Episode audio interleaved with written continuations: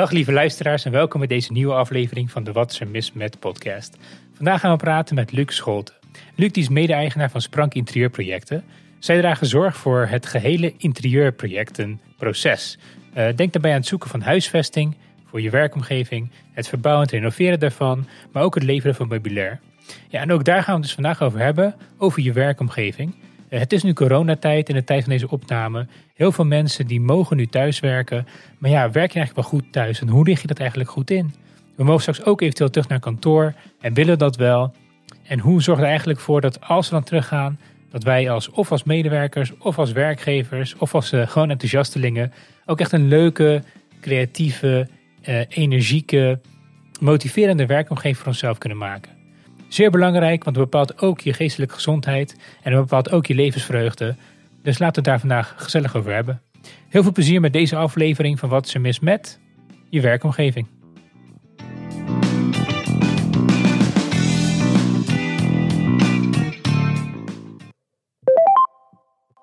Luc, welkom. Ja, dankjewel Michel. Leuk om je hier te hebben. Uh, ik ben met jou in contact gekomen via Laura. Ik heb het daar ook eerder een podcastaflevering opgenomen. En uh, dat ging toen over influencers. Nou, superleuke aflevering. Dus toen zei iemand uh, naar voren schoof, dacht ik, nou ja, die moet ik echt gelijk aan tafel hebben. Ja. Overigens, die is ook heel goed beluisterd, die, die vorige aflevering met influencers. Dus voor de luisteraars nu ook die meeluisteren, zeker een, een, een aanrader om daar nog eens een keer naar terug te luisteren. Back in the day. Maar goed, we gaan het vandaag hebben over terug naar kantoor gaan. Ja, een mooi onderwerp denk ik. Uh, ja, zeker. Ja. misschien goed om even te zeggen welke tijd we nu zitten. We zitten nu een beetje in het, uh, ja, het hopelijk het staartje van corona. Uh, ja, laat zeggen ongeveer september ja, 2021.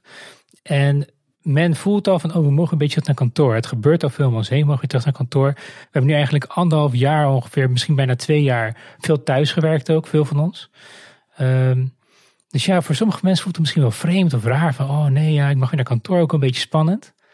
En sommige mensen zijn heel blij. En juist anderen weer niet. Ik merk zelf in mijn eigen werkomgeving, uh, het gaat echt alle kanten op. De een die is echt heel blij om weer te mogen. En de andere die denkt, nou alsjeblieft niet, laat me alsjeblieft lekker thuis uh, zitten. Maar goed, hoe, hoe kijk jij ernaar? Ja, ik hoor eigenlijk wel dezelfde geluiden ook uh, uit mijn omgeving. Het is heel erg afhankelijk hoe de thuissituatie is heb je een eigen ruimte waar je gewoon uh, je een goede werkplek in kan richten. Uh, hoe is je gezinssituatie? Zijn de kinderen, uh, werkt de vrouw ook thuis? Dus man en vrouw die alle twee thuis moeten werken. Dat maakt heel erg veel uit hoe mensen thuiswerken ervaren. En hoe graag ze of weer naar kantoor willen of juist weer niet. dat is echt de, het verschil. En bedrijven zijn eigenlijk al heel lang al bezig om te kijken van wat als we terug naar kantoor gaan, wat moet er dan gebeuren? Maar misschien kan je voor de luisteraars een beetje kort vertellen wie je bent, Luc. En, en, uh, ja, waarom jij een bepaalde mening hebt over uh, teruggaan naar kantoor. Ja, nou, uh, ik heb samen met Mark Elderson zijn we in 2004 het bedrijf begonnen. En eigenlijk om te kijken van nou, hoe kunnen we bedrijven helpen bij het een, een, betere werkomgeving creëren. Dus niet alleen het leveren van, een, van meubilair, maar ook de, de, de, renovaties van kantoren. En kijken naar wat voor kantoorconcept past nu het beste bij dat, uh, de, bij dat bedrijf, die organisatie. Uh, nou, daar zie je eigenlijk wel dat er allerlei vraagstukken zijn. Dat we mensen willen laten nadenken over wat, welke kantooromgeving eigenlijk bij hun het beste past. Maar wat is een kantoor? Moet ik dan denken aan de stoel en de bureau dat er staat en de lampjes die er hangen? Nou, dat komt eigenlijk pas altijd uh, helemaal aan het einde. Uh, wat veel belangrijker is, is welk, wat voor soort werkruimtes zijn er nu nodig. Uh, waar kunnen mensen de, die, bepaalde werkzaamheden goed uitvoeren? En dat is niet altijd alleen maar aan het bureau. Sterker nog, ik denk het bureau is alleen maar bedoeld om routinetaken uit te voeren. En je hebt zoveel andere werkruimtes nodig in je kantoor. Waar allerlei andere activiteiten plaats kunnen vinden. Zoals vergaderen, brainstormen, elkaar ontmoeten, ontspannen. ja, mensen ontvangen. Dat moet echt een enorme diversiteit zijn. Als ik even bij mezelf kijk, kijk, ik persoonlijk krijg een beetje kriebels van het woord kantoorruimte. En dat heeft denk ik te maken met dat beeld van uh, de, de, Amerikaanse cubicle. Ik weet niet of dat iets zegt, zo'n cubicle, vast wel. Zeker. Maar dan zie ik dus zo'n heel klein hokje vorm met hoge muren. En dan is het helemaal niet gepersonaliseerd. Ja, misschien een foto van je vrouw en je kinderen, maar uh, dat is dan ook zo'n beetje. En dan mag je daar als, als, uh, ja, als schijvende machine, mag je daar dan je werk doen. En het liefst zo min mogelijk afgeleid worden door je omgeving. En ik zie natuurlijk wel, kijk, wij werken hier niet in cubicles in Nederland, gelukkig. Maar um, ja, het kantoorwerken heerst nog steeds heel veel. Het achter een bureau zitten en achter je, je, je scherm veel typewerk doen, veel onderzoek doen, veel online werken. Dat is denk ik voor heel veel Nederlanders steeds een hele ja, reële werkelijkheid. Ja. Met ook alle problemen van dien. Hè? Het lang zitten, het lang naar een beeldscherm staren, het, uh, de eentonigheid daarvan. Ik denk ook dat ja, toen corona um, op zijn piek was en we allemaal thuis moesten zitten, dat het voor sommigen toch wel een verademing was. Want nu hoef je niet ja, heel druk eruit te zien acht uur lang achter je bureau. Maar nu mag je toch een beetje afwisselen en even wat anders doen. Um, maar goed, ik ben niet expert. Ik deel het alleen vanuit mijn eigen ervaringen. Hoe zit het hier eigenlijk in Nederland? Hoe zijn de meeste kantoren ingericht? En hoe gaan we er als Nederlanders mee om vergeleken met de rest van de wereld? Ja, je ziet wel uh, dat heel veel kantoortuinen zijn. Nou, en daar kennen natuurlijk alle verhalen van. En dat, uh, hoe dat ervaren wordt. Uh, een kantoortuin heeft de nodige voordelen, maar ook de nodige nadelen. De nodige nadelen. Wat is het, een kantoortuin? Uh, het is eigenlijk een grote open ruimte waar uh, ja, voornamelijk alleen maar bureaus staan. Waar uh, allerlei afdelingen vlak bij elkaar werken. Dus niet een, een afdeling heeft een eigen ruimte, maar we zit, werken allemaal in een open ruimte. Nou, dat bevordert natuurlijk enorm de communicatie. Mhm. Maar het heeft als nadeel dat er ook heel veel afleiding zijn als geluid, maar ook loopbewegingen. dat kan nog wel heel erg storend worden ervaren. Daarnaast zie je ook nog veel traditionele kantoren. Uh, traditioneel hoeft het zeker niet slecht te zijn dat mensen allemaal in een eigen kamer hebben. Een, tweepersoonskamer, een vierpersoonskamer. Dat kan met name zijn voor organisaties waar vertrouwelijkheid een belangrijke rol speelt. Denk aan advocatenkantoren. Hmm. Dat moet zeg maar ook allemaal afgesloten kunnen worden, die ruimtes. Dus daar kan een traditioneel kantoor perfect werken. wij hebben, spreken zelf liever over kantoorlandschappen. Het kantoor moet ingericht zijn als een landschap waar allerlei diversiteit is aan plekken. Mensen concentreren zich anders. Mensen willen op een andere manier ontspannen dan iemand anders dat kan. Uh, bijvoorbeeld jij vindt het heerlijk om dadelijk zeg maar, om tot rust te komen een strandwandeling te maken. En ik ga veel liever naar de, naar de sportschool om tot rust mm -hmm. te komen. Of ga een wandeling in het bos maken. En dat is eigenlijk in kantoren ook niet anders. Dat je moet kijken van hoe is de samenstelling van uh, de mensen qua leeftijd, uh, mannen, vrouwen, uh, wat voor soort mensen zijn het. En die hebben allerlei andere behoeftes. En daar moet je, als, daar moet je kantoorlandschap op in kunnen spelen. Ja, maar dan, dat, dat geeft mij ook gelijk de indruk dat, kijk, sowieso klinkt het mij heel aantrekkelijk, hè? Dat je zegt van, joh, kijk eens naar de mensen die je hebt rondlopen. Of kijk eens naar vanuit, vanuit jezelf, dat kan ook natuurlijk. Wat heb jij nodig om je werk goed te kunnen doen? Wat voor afwisseling heb jij nodig? Ja. Um, maar hoe belangrijk in het geheel weegt dat, ja, die omgeving nou eigenlijk? Kijk, ik, ik kan ook zeggen, ja, als ik gewoon met leuke mensen werk en ik werk aan mijn passie, kan ik ook op een kruk ergens zitten in een drukke bar. Het maakt mij niet uit. Uh, het lukt me dan toch wel. Ja, dat klopt. Alleen, uh, stel je gaat, uh, een mooi voorbeeld van een café, je gaat op een, uh, op een barkruk zitten. Alleen het café kan heel erg leuk ingericht zijn, maar de mensen die er komen zijn niet aardig. Dan wil je ook snel weg. Of andersom kan het ook zijn. Hele leuke mensen zitten er. Maar de omgeving is totaal niet aantrekkelijk. Dan zeg je ook met z'n allen, kom laten we ergens anders heen gaan. En dat is in, denk ik, bij bedrijven die talenten willen aantrekken of willen behouden, is een kantooromgeving ook heel bepalend. het gaat om de eerste indruk. Op het moment dat je ergens gaat solliciteren, weet je niet wat voor mensen er werken. Hmm. Misschien van horen zeggen, misschien dat je dat kan. Maar over het algemeen niet. Dat is altijd maar afwachten. Dus denk alle stukjes helpen bij, de, bij het zorgen dat werknemers en, gelukkig kunnen worden. Niet alleen van het werk, van, het, van de collega's, maar ook van een kantooromgeving. Hey, ik kom zo meteen terug op die werkomgeving op kantoor, maar waar ik eigenlijk heel benieuwd naar ben is de thuiskantoor. We kunnen daar even over praten. Ja. Uh, ja, ik heb hier ook een thuiskantoortje. We kunnen naar kijken vanaf hier. Dus ik heb een, uh, wat heb ik eigenlijk? Ik heb een bureau. Ik heb twee schermen. Die zitten op een standaard. Er zitten allemaal technische snufjes omheen. Want ik toch een podcast produceer. Dus ik heb wat microfoons en wat speakertjes en dingen. Um, ja, maar goed. Ik koop gewoon wat ik nodig heb. Wat ik fijn vind bij mij op kantoor. Uh, op, mijn, op mijn thuiswerkplek. Maar ik voel ook wel beperkingen thuis. Dus uh, ja, het, is toch wel heel dichtbij alles. ik heb uiteindelijk ook wel veel afleiding in de buurt. Hoewel ik me over het algemeen goed kan constateren, ja, die, de, als de afwas ligt, dan doe ik toch echt even de afwas, voordat ik weer terug aan het werk ga. Um, ja, maar wat kan je ons vertellen over thuiswerkplekken? Zijn mensen goed voor zichzelf aan het zorgen? Uh, hebben mensen er moeite mee? Wat kun je het beste doen als je een thuiswerkplek opstelt? Nou, als je een thuiswerkplek opstelt, dat is, uh, denk dat je altijd moet zorgen dat je een hele goede ergonomische plek hebt. Dus die, waar alles goed minimaal ingesteld kan worden. Dus de hoogte van je bureau, de hoogte van je beeldscherm, een goede bureaustoel. bij voorkeur nog verstelbaar, dat je het echt zitten en staan af kan wisselen dan komt natuurlijk wel het probleem van wil iedereen een heel mooi uh, ergonomisch bureau in zijn woonkamer hebben staan. Dan vind ik dat uh, qua stijl uh, verantwoord. Daar zou je mee moeten middelen. Van wat is mogelijk, wat vind je zelf? Heb je een eigen kamer waar je dat een kantoortje kan maken? Dan heb je veel meer mogelijkheden. dan maakt het misschien niet zoveel uit of dat een, gewoon een stalen onderstel is. En een, in wat voor kleur ook met een blad. Hmm. Maar heb je die ruimte niet, dan zul je toch iets ja, moeten vinden wat wel in je woonkamer past. Ja, en dan kan je zeg maar wel een vast blad zou je kunnen doen. Uh, maar je zorgt dat je beeldscherm op de juiste hoogte staat. Uh, je toetsenbord, je document en je beeldscherm in die volgorde op je bureau ligt. Je muis dicht bij je. dus kan je kleine ergonomische aanpassingen doen. Stel je bureaustoel goed in, rugleuning los, zodat je altijd in beweging bent. En zorg voor zelf voor je beweging. Dus als je even af gaat wassen tussen het werk door, ja, alleen maar goed. Dat, op kantoor is dat niet anders. Doe je ook even andere werkzaamheden tussendoor. En zorg er weer dat je daarna weer fris uh, aan de gang kan. Beweging is altijd heel erg goed. En iedere zithouding is eigenlijk, uh, iedere volgende zithouding is beter dan de vorige. Hmm. Klinkt niet echt inspirerend.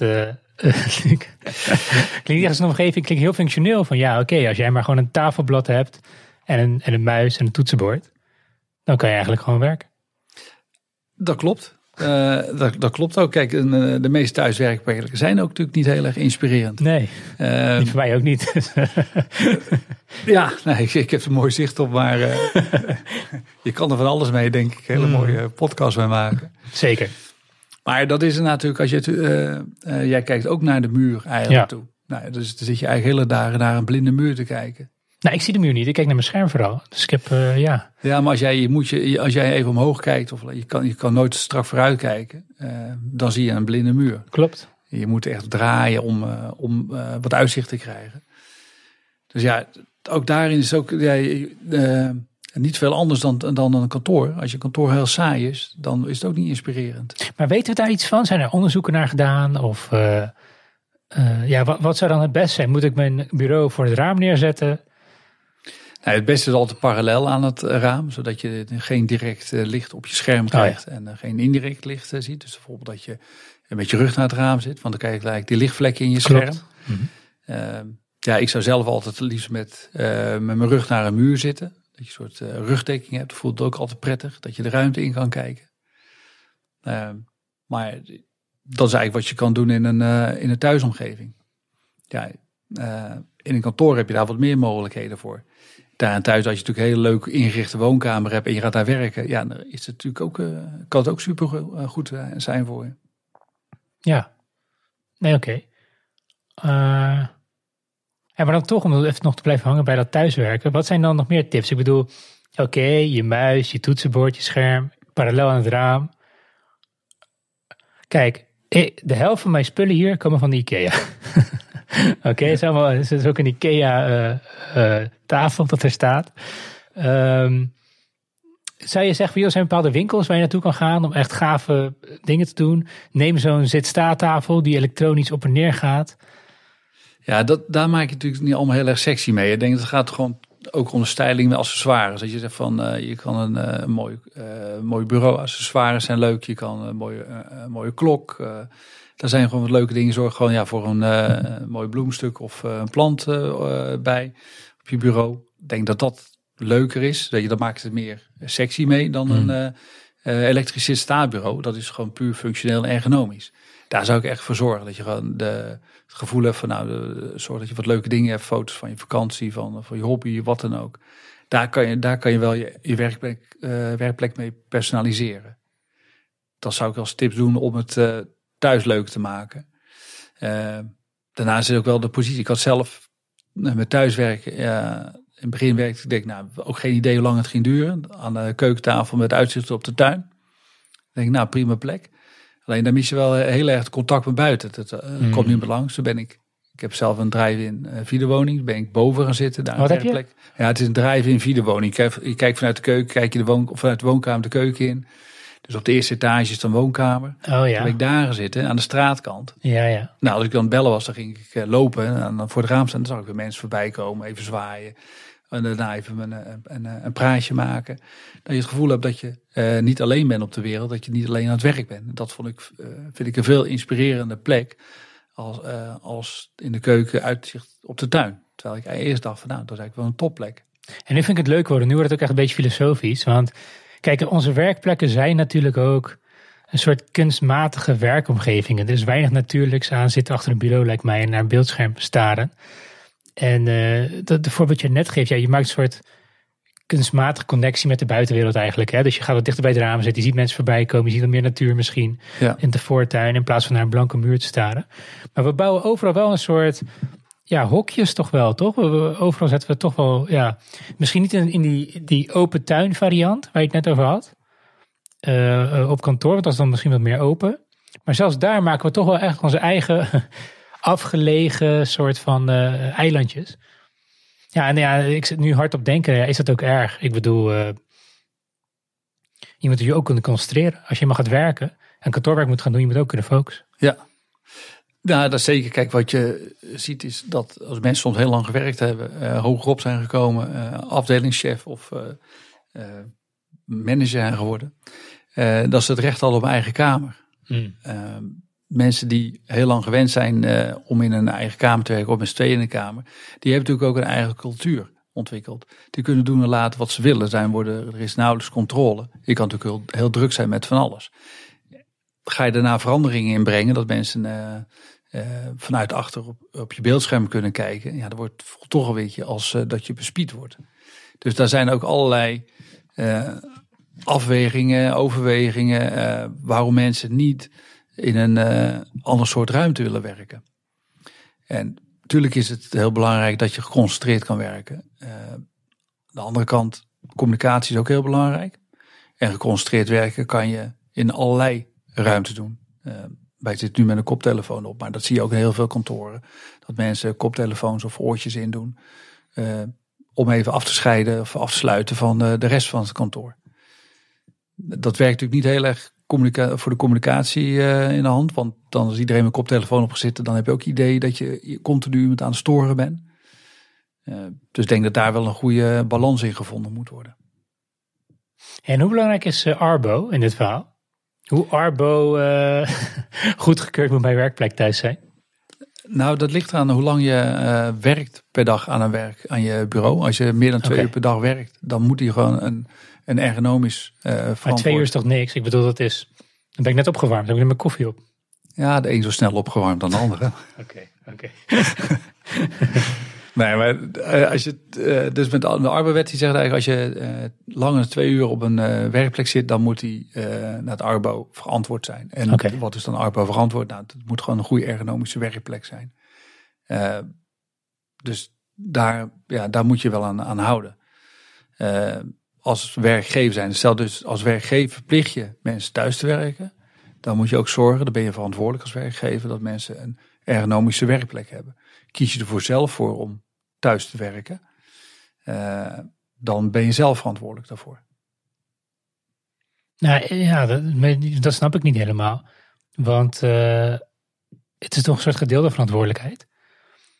Ja, maar als, als werkgever uh, zegt van je mag van mij voor thuis werken, maar we hebben hier een, een kantoor wat perfect ingericht is, maar al van alle gemakken voorzien, dan, en je wilt per se toch thuis werken, dan is dat je eigen verantwoording. Ja, ik heb de wet niet gemaakt. Zoals nee, nee, nee. Ik, ik zit gewoon hard op te ja, denken erover. het is, weet je, ja, ik, uh, het is een beetje van uh, als een, uh, een, een, timmerman een cirkelzaag gebruikt en hij neemt niet de veiligheidsmaatregelen in acht. Dat hoort hij ook te doen. Of hij nu, zeg maar, thuis werkt of dat hij op kantoor werkt. Nou, weet je, voor mij, het verschilt zo erg per bedrijf hoe, hoe, hoe zij omgaan met hun mensen ook. Want Oké, laat dit dan de wet zijn. Officieel wat, wat mag en wat niet. Maar goed, als je als werkgever, als ik de werkgever ben, ik wil ook gewoon een werkplek helpen maken voor mijn medewerkers, ook al is het thuis, waar ze met plezier heel productief achter zijn.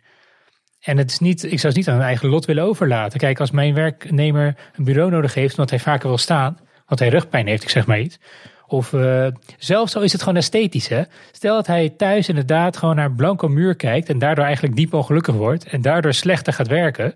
Ja, waarom zou ik dan niet even een paar honderd euro investeren in wat mooie fotolijstjes en wat planten? Ja, het, het is misschien klein, maar het kan wel een groot verschil uitmaken. Ja, ja, dat zeker. Ben ik ook heel met je eens. Uh, denk, de mensen kunnen heel goed thuiswerken en dat heeft ook wel genoeg voordelen, ook voor een werkgever. Ja, dat mag je ook best faciliteren. En als daar een plantje bij hoort en een, uh, nou ja, dat is misschien uh, een beetje kinderachtig gezegd, maar een, gewoon een goede werkplek, een, uh, een bureau wat een hooggesteld, hoogtgesteld kan worden, goede monitorarmen, beeldscherm op de juiste hoogte zijn. Ik denk dat het alleen maar goed is voor iedereen. Maar ik denk dat hoop werkgevers ook nog wel worstelen met het idee van wat gaan we doen? We gaan laten mensen thuiswerken. hoeveel dagen per week laten we ze thuiswerken? gaan, willen ze allemaal terug naar kantoor? En wat moeten we dan uh, gaan investeren nu? Uh, of gaan we toch eventjes aankijken? Ik denk dat dat, dat ook uh, aardig is. Wat zou jouw advies zijn voor zo'n werkgever? Nou, ja, ik denk dat je het gewoon als een, al heel breed in je kantoor moet onderzoeken. als betrokken werknemers zijn ook een stuk gelukkiger en een stuk gemotiveerder. En uiteindelijk is dat uh, je belangrijkste kapitaal eigenlijk wat je in een uh, onderneming hebt. Zijn toch de werknemers die het uh, voor je moeten doen. Hmm. En daar moet je voor zorgen dat die hun werk optimaal uit kunnen voeren. En als daar ja, een goede thuiswerkplek bij hoort, zeker doen. Maar ik zou ook kijken van wat is goed voor het bedrijf. Dus hoeveel, hoeveel dagen de week is het verantwoord dat mensen thuiswerken. Als je kijkt naar interactie in collega's onderling. Ehm, Kijk, is het administratief routinewerk, dat is makkelijker uh, om thuis te werken dan uh, creatief uh, werk of innovatiewerk. Oké, okay, dus dan wil ik graag mijn werkgever een massagestoel en een suikerspinapparaat. En ik wil een 55 inch monitor, want ja, dan kan ik wel goed op, dan mis ik geen detail. Ja, kijk, ik denk alle, alle wensen en eisen moeten natuurlijk in het redelijke blijven. Ik denk als je dat zou willen, dan uh, zou er een budget voor, voor voorgesteld moeten worden. En hoe je dat in wil vullen. Nou ja, uh, succes. We willen het wel goedkeuren. Want daarna jij een, alles geen geld aan de suikerspin uit de maat uit wil geven. En geen economische werkplek hebben. Ja, dan slaan we ook de plank mis. Hmm. Maar ik, ik, ik, geloof niet dat, dat we dat de werknemers zo uh, in elkaar zitten dat ze een budget krijgen en dan uh, alleen maar suikerspinapparaat kopen. Nee, en ook al doen ze dat, dan is het gewoon hun eigen verantwoordelijkheid, lijkt mij. Als je gewoon een budgetje krijgt. Ja, dat, dat is de vraag. Kijk, als je een, uh, of het hun eigen verantwoordelijkheid is. Want als je dus acht uur per dag thuis werkt en je werkgever stelt jou in staat om de juiste meubelen aan te schaffen. En jij doet daar oneigenlijke dingen mee en je wordt ziek uh, omdat je uh, kans, dus de complaints arm, neck shoulder, het, het oude RSI, hè, mm oploopt. Wie zijn verantwoording is het dan? In ieder geval de werkgever zit met de gebakken peren. Dus ik denk niet dat dat, dat zo kan zijn, nou, het is je eigen verantwoording. Nee, oké. Hey, en dat, ik lees ook wel eens, we hebben een zit-epidemie ook. Naast corona hebben we ook een zit-epidemie in het land. We zitten allemaal veel te veel. En zit is hartstikke ongezond uh, voor je. Heb je daar nog gedacht over? Nou, zitten is niet ongezond, te veel zitten wel. Uh, maar daarom, wat ik net al zei, eigenlijk, iedere beweging is, uh, beweging is belangrijk. Uh, het afwisselen tussen zitten en staan is belangrijk. je kan je natuurlijk staan en zitten, maar daartussen heb je ook nog zeg maar, dat je een staahulpje hebt. Dat je eigenlijk een hoogverstelbare kruk, dat je zeg maar net even ondersteund kan, kan zitten of staan, net mm hoe je het bekijkt. Maar juiste afwisseling uh, is goed. Ook lopen. Uh, naar koffieautomaat zelf je, eigen, zelf je koffie halen. Of je printer en aan de printer lopen. Gewoon afwisseling, dat is ontzettend belangrijk. Zitten op zich is niet gevaarlijk of, of dodelijk. Er was ook inderdaad, zitten is het nieuwe roken. Ja, ja, ja. Maar dat, nou, te veel zitten is niet goed. Oké. En wat is dan denk jij... Kijk, de podcast heet Wat ze mis met. Maar wat nou de nummer één fout die we met z'n allen maken als het betreft, wat betreft ons werkplek?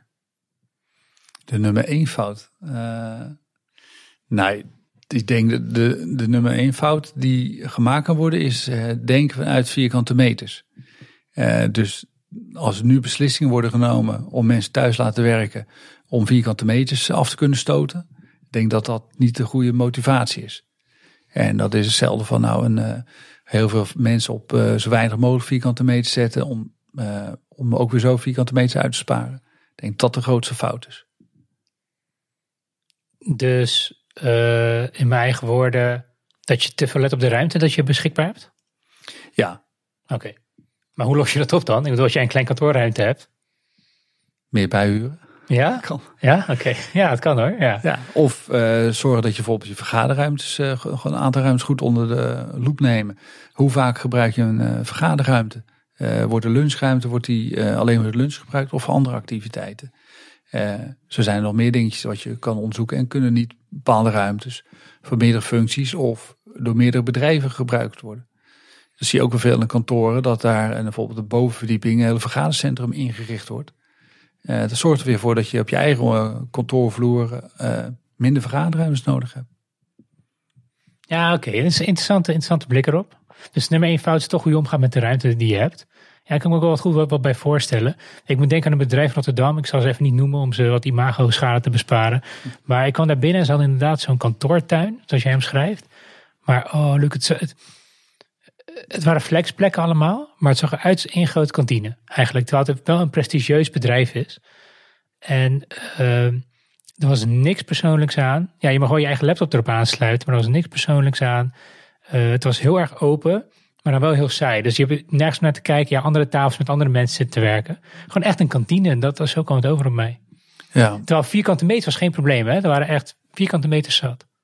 Maar was het dan zeg maar qua kantine gewoon echt qua saaiheid? Of is het, want je kan ook zeggen, een kantine wat je als werkcafé. Nou, die zijn echt superleuk om, uh, om in te werken. Bepaalde werkzaamheden. En vooral een kantine in de zin van lange tafels met niks ja. erop eigenlijk. Ja. ja. een paar aansluitingen voor je laptop en je scherm, maar that's it.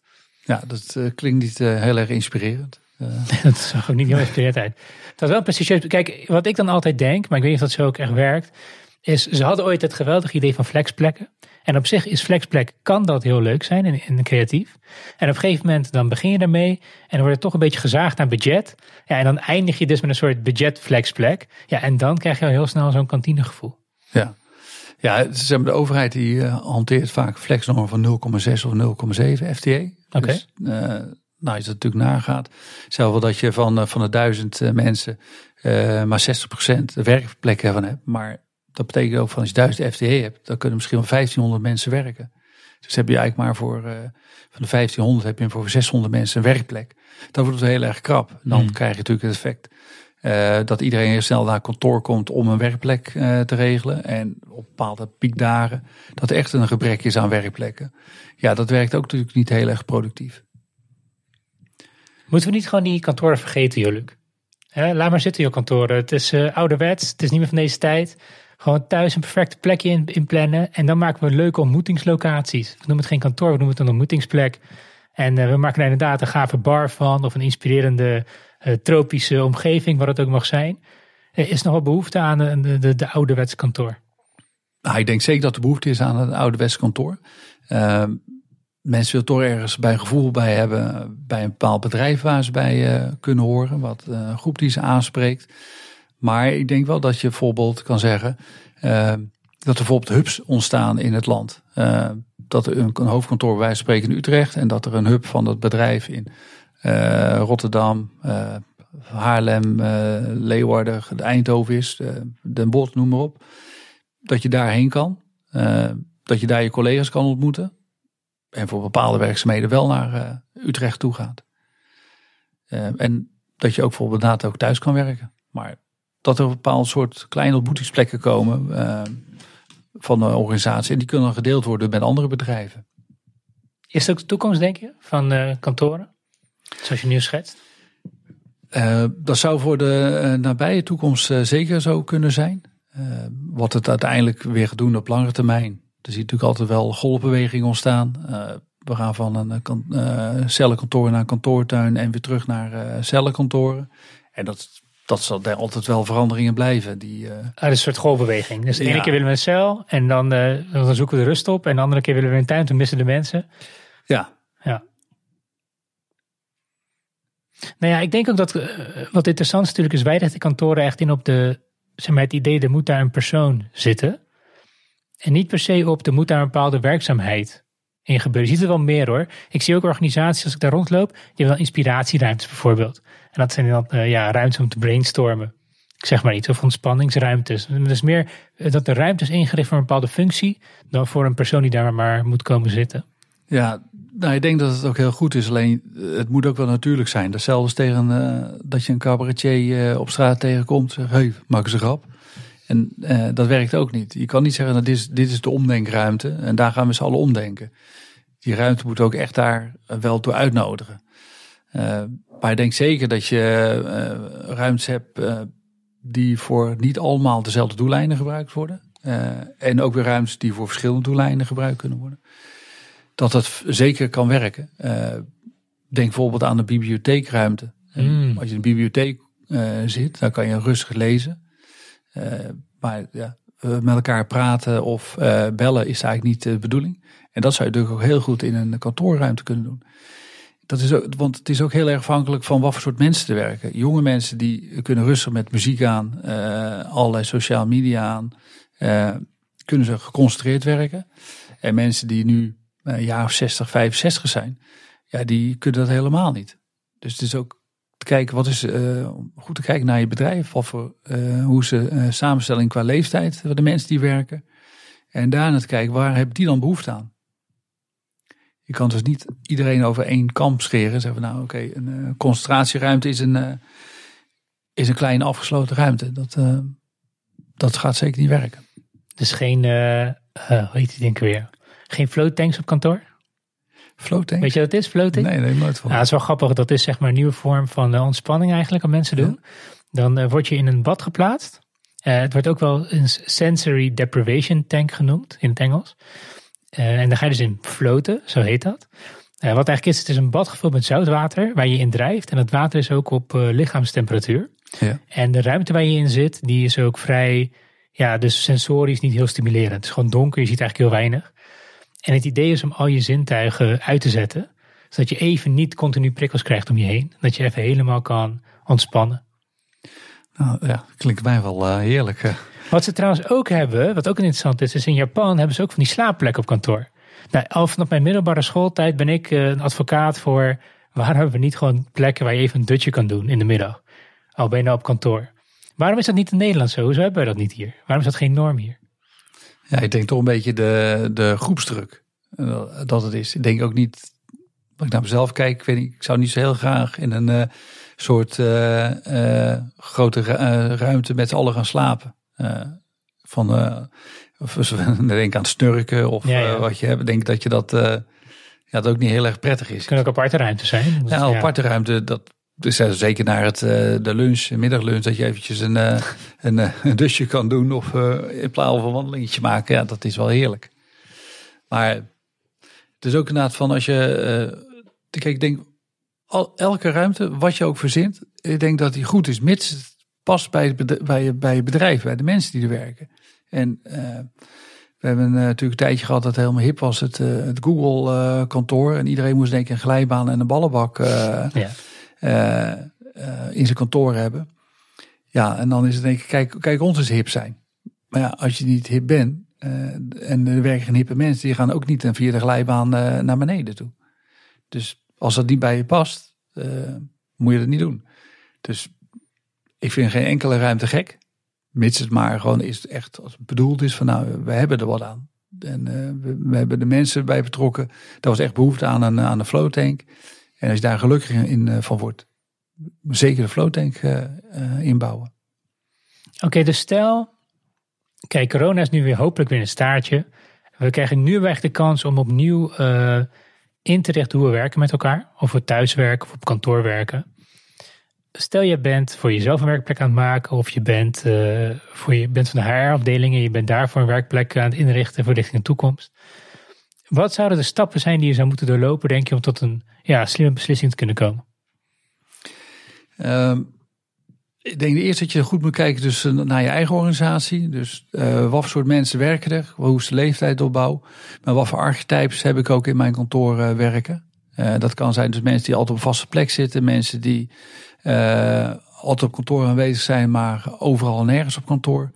Mensen die een buitendienstfunctie hebben of een onderhoudsfunctie, die af en toe kantoor komen. En mensen die heel sporadisch maar op kantoor komen, die bijna altijd bij klanten zitten. Denk aan uh, consultants en die één, één zoveel tijd een keertje op kantoor komen. Hoe, dus hoe is die samenstelling uh, voor mijn kantoor? Wij hebben zelf daar een hele leuke workshop voor ontwikkeld. Dat mensen echt werkruimtes kunnen ontdekken. ook wel voor archetypes. hoe, vaak zijn mensen op kantoor? Maar dan kan je kijken van, stel ontvangst. Je, mensen komen, komen binnen, intern of extern. Hoe moeten die ontvangen worden? zet daar gewoon een receptionist, een gastvrouw uh, is alleen meld je aan via een digitaal uh, tablet. Of staat er bijvoorbeeld een, uh, een barceptie met een barista waar je een broodje kan kopen en of allerlei zaken geregeld kunnen worden. Wij spreken je, je stomerij spullen af kan geven. En er wordt centraal geregeld. einde van de dag komt de stomerij weer terug en brengt je dat brengt je pak weer terug. dat is een voorbeeld van als je na gaat denken over hoe willen wij mensen ontvangen. Dat kan ook zijn dat over een ontspanningsruimte, brainstormruimte. Heb je die nodig? Moet je daar weer een, een, een, spelletjeskamer of wil je een yoga ruimte of weer naar de flow tank? Wat zijn de gekste dingen die je hebt gezien? Nou, zeker, ik heb niet zo heel veel gekke dingen gezien eigenlijk. Het zijn wel dat je na gewoon wel de, de, toch we net over al de slaapruimte, slaapstoelen waar je gewoon in, in terug kan trekken. Geen glijbanen gezien? Ik heb nog geen glijbanen gezien. Nee. nee wel, we hebben wel een paar keer schommels uh, in kantoren toegepast. Dat je een, eh, een lunchtafel en een schommel, uh, een aantal schommels gaan. Dat is ook wel, uh, vond ik ook wel grappig. Dat je net, of die hangstoelen, dat soort dingetjes eigenlijk allemaal. Maar heel veel gekke dingen nog niet. Het is, mensen vinden, beginnen er wel over en denken, hé, hey, leuk. Maar het echt, het uitvoeren, dat komt er vaak niet van. En is dat een budgetding, wat er dan gebeurt? Of, nou, mensen gaan toch nadenken, past het wel bij ons? Van, oh, ja. uh, je krijgt uh, uh, natuurlijk als medewerkers betrokken worden van allerlei wensenlijstjes. Ja, en oké, okay, wat kunnen we van dat wenslijstje invullen? wat hebben we nou echt behoefte aan? Wat is nou echt nodig? En wat is nou leuk voor de heb? past het dan nog wel in, in een ruimte? En dan sneuvelen die gekke dingen sneuvelen altijd van ja, weet je, dat is altijd, ja, het begint als een grapje en dus, dus het was dat het toch niet heel serieus ook echt was. Hey, nog iets waar ik aan zit te denken, Luc, is uh, de situatie dat stel je werkt voor een werkgever en je bent gewoon niet tevreden over de werkomstandigheden. En het maakt niet uit naar thuis is, hoe je wordt gefaciliteerd op werk. Ik denk dat er best wel mensen aan het lopen die dat denken. Weet je, denk van ja, als ik zit op een stoel, het wordt elkaar gehouden met duct tape en een scherm uit 2010. Eh, en ja, ik werk hier gewoon niet lekker op een plek. Uh, maar goed, ze durft dat misschien niet aan te geven. Of ze denkt van, joh, wat zijn eigenlijk mijn rechten hierin? Of, of ja, ga ik in de problemen komen als ik je klaag? Iedereen die werkt zo. Uh, heb daar nog een bepaalde ideeën bij? Ja, nou, kijk, ik denk zeker als je uh, niet aandurft te geven bij, uh, bij directe leidinggevende, dat je ook af moet vragen van wat is er mis mee dat ik dat niet aandurf te geven. ik denk dat daar al iets, iets verkeerd mee is. Want als jij een stukje bureaus uit elkaar valt en je durft niet aan te geven, denk ja, dan iets schorten dan of bij je leidinggevende of bij jezelf. Maar uh, normaal gesproken uh, kan je dat denk ik gewoon aangeven. En de leidinggevende doet er eigenlijk altijd wel wat mee. Want ook, het is ook zijn belang dat zijn afdeling goed loopt. Dat jij je werk goed uit kan voeren. En ja, het kan ook een budgetkwestie zijn. Maar ja, dan zeggen neem je, joh, mag ik dan jouw stoel? Zullen we ruilen als je het geen probleem vindt? Ja, weet je, ik vind het zo'n moeilijk gesprek. Want alles, heeft, alles is relatief natuurlijk. En als ik soms hoor van vrienden van mij hoe zij verwend worden thuis. En dan denk ik van ja, weet je, er is geen. Uh, het verschilt heel erg per werkgever of zo. De ene die krijgt gewoon echt dik budget om een stoel en een bureau en wat hij ook wil te kopen. Uh, ja, en de ander niet. De ander die moet het doen met de spullen die hij krijgt, of, of, zelfs veel minder. Ja, wat we zagen is eigenlijk toen uh, de pandemie uitbrak, dat heel veel bedrijven die de bureaustoelen waar ze op zaten, die werden mee naar huis genomen. Uh, monitorarmen, beeldschermen. Het is eigenlijk alles van kantoor werd gewoon mee naar huis genomen om, om daar te gaan werken. Ja, als dat verder perfect in orde is, dan is het ook goed. Uh, daarnaast zie je ook wel dat daarna een verloop van tijd dat mensen naar het bureaus allemaal ter beschikking gesteld werden. Uh, bureaus ter beschikking gesteld werden. Ja, en dus zullen het niet allemaal de meest exclusieve en fancy bureaus zijn geweest, maar wel functioneel. Dus ik denk ja, het, dus natuurlijk zal er verschillen zijn per werkgever wat voor budget er is. Ik kan er, kan er niet over oordelen omdat ik niet, niet precies weet natuurlijk van uh, wat het budget is en is dat, is dat toereikend geweest. Ehm, maar ik denk dat je dat werkgevers over het algemeen wel hun verantwoording hebben genomen. Hmm. En uh, natuurlijk kan het ook zijn dat een werkgever zegt we hebben geen budget. Het zou ook zijn uh, reden zijn als hij hard getroffen is door de pandemie. En dan ook eens een keertje allerlei thuiswerkplekken in moet richten. Niet weten hoe lang het ging duren. Kan ik me ook voorstellen dat ze daar terughoudend in zijn. Ja, ja, ik ook. Zeker weten. En Luc, we hebben heel veel behandeld. Uh, voordat jij gaat, voordat je laat gaan, waar zou ik mijn bureau nemen? Wat zou ik moeten veranderen aan mijn werkplek, uh, vind jij? Ik zou inderdaad toch wel een slag draaien. Ja? Dat ik toch wel meer de ruimte in, in kijk. Dat zou ik, ja, dat, dat is ook misschien wel mijn persoonlijkheid. Ik wil, ik, wil, ik ga proberen. Ik, ik, wil niet graag altijd iemand achter mijn rug hebben. ik wil liever al de rugdekking Wat ga ik met al die kabels van doen die achter mijn uh, bureau... Uh... Nou, je hebt een heel mooi zijstuk staan. Dan kan je daar mooi via de poot omhoog en uh, via het zijblad naar je werkplek. Je hoeft niet helemaal vrij in de ruimte. Je kan natuurlijk met een aanlaat sluiten op de wand. Ja, oké. Okay, daar, okay. daar heb je wel de ruimte voor. En zou ik nog andere aanvullingen kunnen doen, denk jij? Ik, ja, ik zou een mooi zitstaanbureau nemen. Dan kan je na het zeker. Je bent te klein, joh. Ik moet zo'n groot hebben. Nou ja, je, voor mij heb je niet veel papierwerk dat je hebt. Nee, dat klopt. Ik heb niet nee. veel papierwerk. Nee. Je hebt twee schermen. nou ja, je, je groter je bureau is niks meer. Nee. Oké, okay, nou ja, goed om dat te horen. hey, uh, als mensen aan contact willen komen, Luc. Oh nee, voordat we afsluiten, wil jij nog iets zeggen over dit onderwerp? Nou, uh, zeg maar terug naar kantoor. Ik denk dat mensen heel veel uh, vragen hebben, bedrijven heel veel vragen hebben.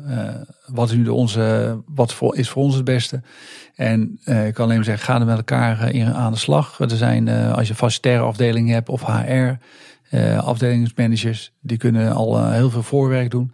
Maar betrek ook je, je medewerkers erin. Wat willen hun? kijk wie er thuis wil werken, hoe vaak iemand, hoeveel dagen iemand thuis kan werken. En uh, wat is goed voor de mens, maar uh, ook voor het bedrijf. En zorg dat je je inrichting uh, in je kantoor aanpast aan nieuwe omstandigheden. Want ja, je moet veranderen om hetzelfde te blijven. Oké. Okay. als mensen met jou in contact willen komen, hoe kunnen ze dat dan eventueel doen? dat kan een e-mail sturen naar, makkelijkst denk ik, info.sprank.nl of ons bellen op een vaste nummer in Rotterdam. Sprank met een K, toch? Sprank met een K. Sprank ja. met een K. Hey uh, Luc, hartstikke bedankt. Uh, je hebt mij weer ook aan het denken gezet. Ik ga eens nog een keer goed kijken naar mijn indeling. Ik denk ook voor de luisteraars die uh, zullen ongetwijfeld op ideeën zijn gebracht voor je, door je. Dus dankjewel. Ja, jij ook bedankt Michel voor dit gesprek. Leuk. Ik vond het leuk.